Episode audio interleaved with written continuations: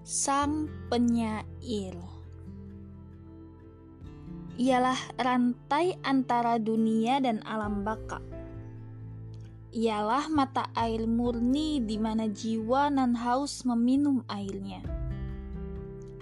Ialah pohon yang terairi sungai keindahan, syarat buah bagi hati lapar yang mencari. Ia adalah burung bulbul tenangkan jiwa resah dengan melodi indahnya. Ialah awan putih di cakrawala, naik dan mengembang hingga memenuhi wajah angkasa.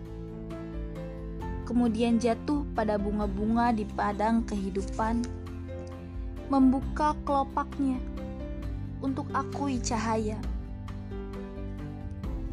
Ia adalah malaikat utusan Tuhan demi menyebarkan ajarannya.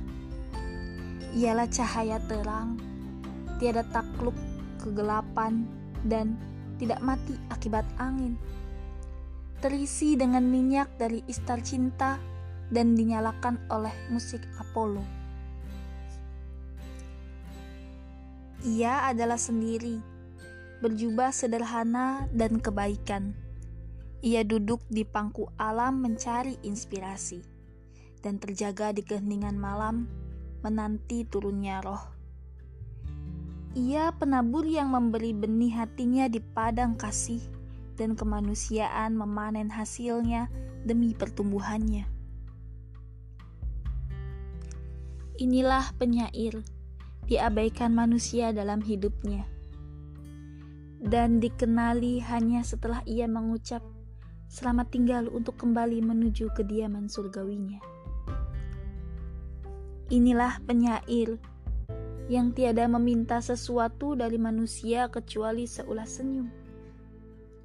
Ialah penyair di mana jiwanya bangkit dan memenuhi angkasa dengan keindahan kata. Namun orang mengingkari diri akan cintanya. Sampai kapan manusia akan tertidur?